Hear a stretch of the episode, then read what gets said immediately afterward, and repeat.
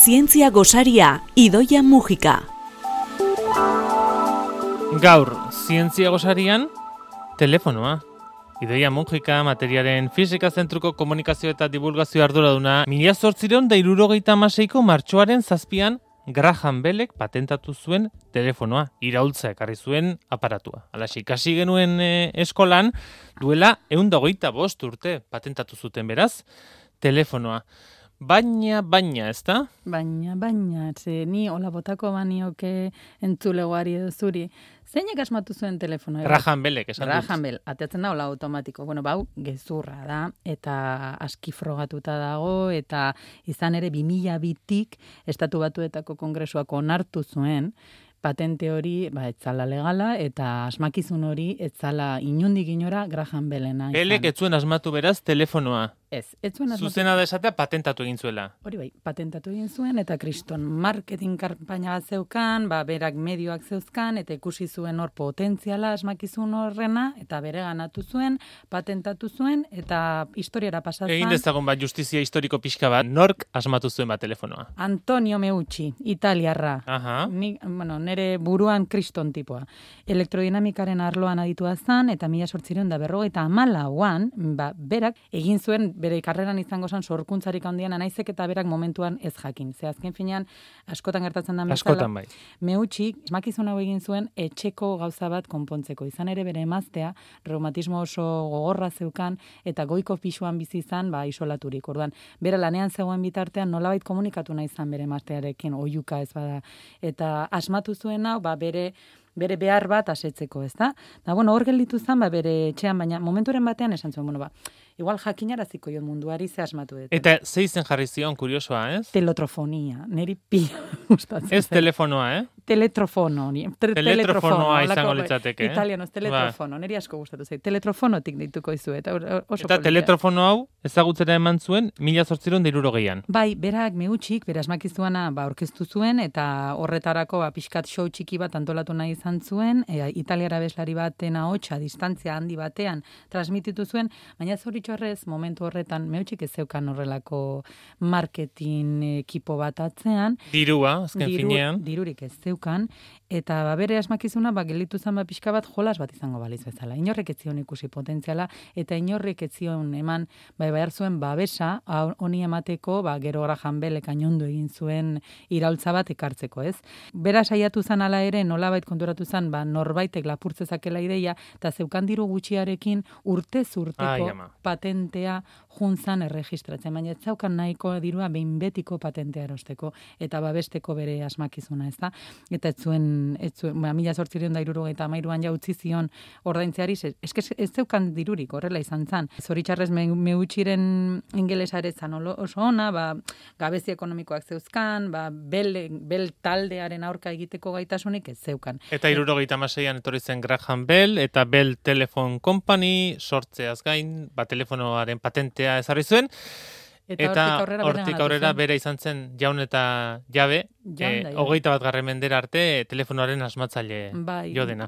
Bagora ezaguna, Antonio Meutxiren izena, eta teletrofonoa ala izan zela lehenengo gailuari jarri zion eh, izena, eta bera dela benetan telefonoaren asmatzailea. Bai, Zor historiko hori kenduta beraz. Geunda hogeita bost urtean idoia mundu asko aldatu da. Telefonoa zer esanik, ez? Bai. Gaur egun telefonoa ia dena da.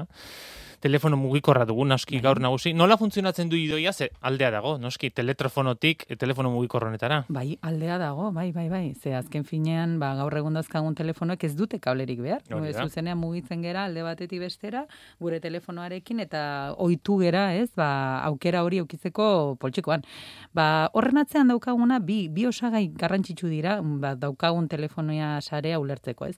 Alde batetik sarea bera, euki behar dugu, ba, sare bat non lurrazalean gan banatuko ditugun, hain ezagunak diran antenak, ez da, demora guztian emititzen daudenak, eta bestetik sakelean dara maguna, ba, telefonoa bera. Hartzailea. Hartzailea, hori da. Mugikorrak ba hartzaile eta e, hartzaile eta emizaile bezala egiten du, ez? Eh? Antena horiek aipatutakoak uin elektromagnetikoak igortzen dituzte. Hau da alderik nagusiena. Ze azken finean ba telefono klasikotik Bai, Kable bidezkoak ez zuen uin elektromagnetikorik igortzen. Ez, hori da, elektrizitatea banatzen zen, eta elektrizitatean horrela kode, kodea deskodeatu egiten ziran ahotsak eta gero deskodeatu ziren deskodeatzen ziran telefonoan bertan. Ba, gaur egun antzeko gauza bat egiten da, baina elektrizitatea izan beharrean uin elektromagnetikoak erabiltzen ditugu. Ez edo zein, beratziren eta 2000 megahertz hartzeko maiztasunarekin ze. Azken finean, uinen zaugarririk aipagarriena da, zindan bere frekuentzia, zindan bere maiztasuna. Ba, beti esan dugu, olatuekin bezala. Zuk ikuste dituzu olatuak, batzutan datoz mare, bare, bare, eta maiztasun batekin datoz, baina beste batzutan arrotu egiten denean e, otxasua, bata bestearen atzetik oso azkarratu, ze? Hori da maiztasuna, uin batena. Da bakoitza da, ba, uin desberdin bat, ez, maiztasun bat aukana.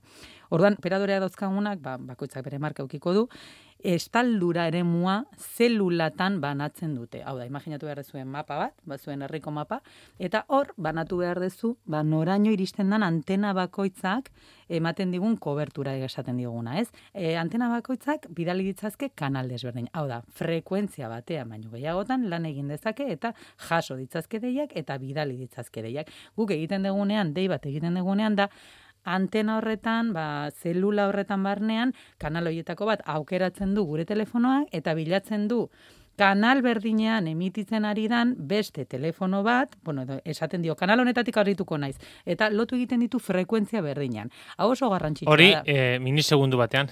minisegundu batean, eta eta gaina leno, ba, igual batak edo beste telesail batzutan orain ikusten dira berriz ere, operadorak ziranak, ez? Hoiek egiten zuten azan, frekuentzia horiek ah, lotu. Bai. Ba, hola, pum, bai, pum, bai. elkartu eta esan, zu honekin, zu honekin, ba, hori orain ordenadore batek egiten du, automatizatuta dago guztiz, eta gehiago esango dizut hain da azkarra, aldatu gaitekela zelula batetik bestera, enteratu gabe, zuzenean, zu ateratzen zeranean, zelula baten esparrutik, ero eremuetatik, pasatzen zera gora, askatzen dezu kanal hori, gelitzen da libre, beste norbaitek hartu dezan, eta zuzenean aldatzen ditu berriz ere. enteratu egin gabe. Enteratu egin gabe. Horrekin, eh, amaitu nahiko genuk, telefono mugikorra ilotuta sortu den galdera handi bat bai baitago. Mugikorrek baldut eraginik osasunean. Gaur egun ditugun ikerketen arabera idoia, ze esan genezake? Ez dagola inungo evidentziarik. Eta ez dagola esaterik horrela denek gehiago esango dizut. Egin diran egin ikerketa guztiak eta asko egin dira, bat berak ere ez du eman inungo erlaziorik min bizia edo buruko minak edo